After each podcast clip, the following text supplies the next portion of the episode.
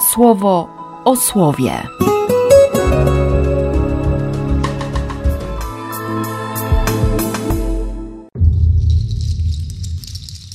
13 września, poniedziałek. Z pierwszego listu do Tymoteusza. Zachęcam zatem, zwłaszcza do tego, by wznosić modlitwy proszące, błagalne, wstawiennicze, dziękczynne za wszystkich ludzi, za królów i wszystkich wysoko postawionych, byśmy mogli wieść życie ciche i spokojne, pod każdym względem pobożne i święte. To dobre i mile widziane przed Bogiem naszym Zbawicielem. On pragnie, by wszyscy ludzie przyjęli zbawienie i doszli do poznania prawdy, bo jeden jest Bóg i jeden pośrednik między Bogiem a ludźmi, człowiek Chrystus Jezus, który zamiast okupu siebie samego za wszystkich wydał świadectwo na porę właściwą. Dla tego świadectwa ja zostałem ustanowiony heroldem i apostołem. Prawdę mówię, nie kłamię, nauczycielem pogan w zakresie wiary i prawdy. Chciałbym zatem, aby mężczyźni modlili się w każdym miejscu, wznosząc ręce czyste, wolni od gniewu i niechęci. Tak samo, aby kobiety stroiły się schludnym odzieniem skromnie i roztropnie, nie plecionymi spinkami i złotem i perłami czy kosztownym płaszczem, lecz tym, co przystoi takim kobietom, które promieniują bogobojnością przez dobre czyny. Z Ewangelii według świętego Łukasza. Gdy skończył wszystkie swoje nauki, wygłaszane dla przyjęcia przez lud, wszedł do Kafarnaum. Sługa pewnego centuriona, bardzo mu drogi, był w ciężkim stanie i miał już umrzeć. Kiedy ten centurion usłyszał o Jezusie, posłał do niego starszyznę izraelską z prośbą, aby przyszedł i uratował jego sługę. Posłani przybyli do Jezusa i prosili go żarliwie, mówiąc: Zasłużył sobie, abyś mu to wyświadczył. Kocha nasz naród i sam zbudował nam synagogę. Jezus udał się z nimi. Gdy był już niedaleko domu, centurion przysłał przyjaciół, aby mu powiedzieli: Panie, nie truć się, bo nie jestem na tyle wielki, abyś wszedł pod mój dach. I dlatego również nie uznałem się za godnego, żeby przyjść do ciebie osobiście. Rozkaż tylko słowem i niech mój chłopak stanie się zdrowy. Przecież i ja jestem człowiekiem umieszczonym pod władzą i mającym pod sobą żołnierzy. Temu rozkazuje odmarsz i odmaszerowuje. Innemu przystąp i przystępuje, a swojemu słudze zrób to i robi. Gdy Jezus to usłyszał, wyraził mu swoje uznanie i zwróciwszy się do towarzyszącego sobie tłumu, powiedział: Mówię wam, takiej wiary nie znalazłem nawet w Izraelu. Kiedy posłani wrócili do domu, znaleźli sługę zdrowego. No tak, zachęta do tego, by swoją modlitwą, swoją intencją, swoim pragnieniem dobra ogarnąć naprawdę każdego człowieka.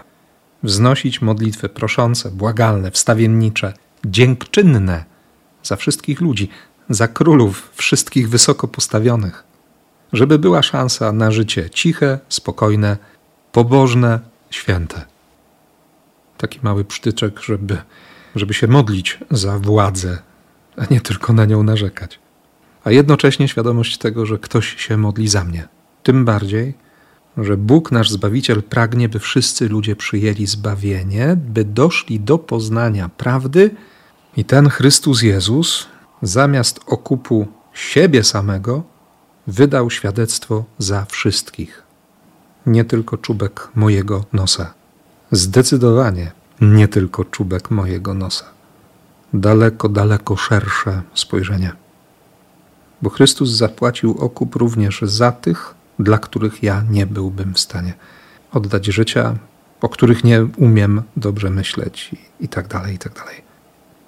No, odziera to słowo Pawła z przyzwyczajeń, nie daje świętego spokoju, trochę, trochę wierci, trochę kłuje w serce uwierzyć, że Bóg jest wolny w dawaniu zbawienia. I samemu, skoro przyjąłem, skoro doświadczam, skoro potrzebuję i chcę zbawienia, miłości, miłosierdzia, to nie mogę Bogu dyktować warunków ani, ani stawiać granic. I to bardzo pięknie pokazuje dzisiaj Ewangelia.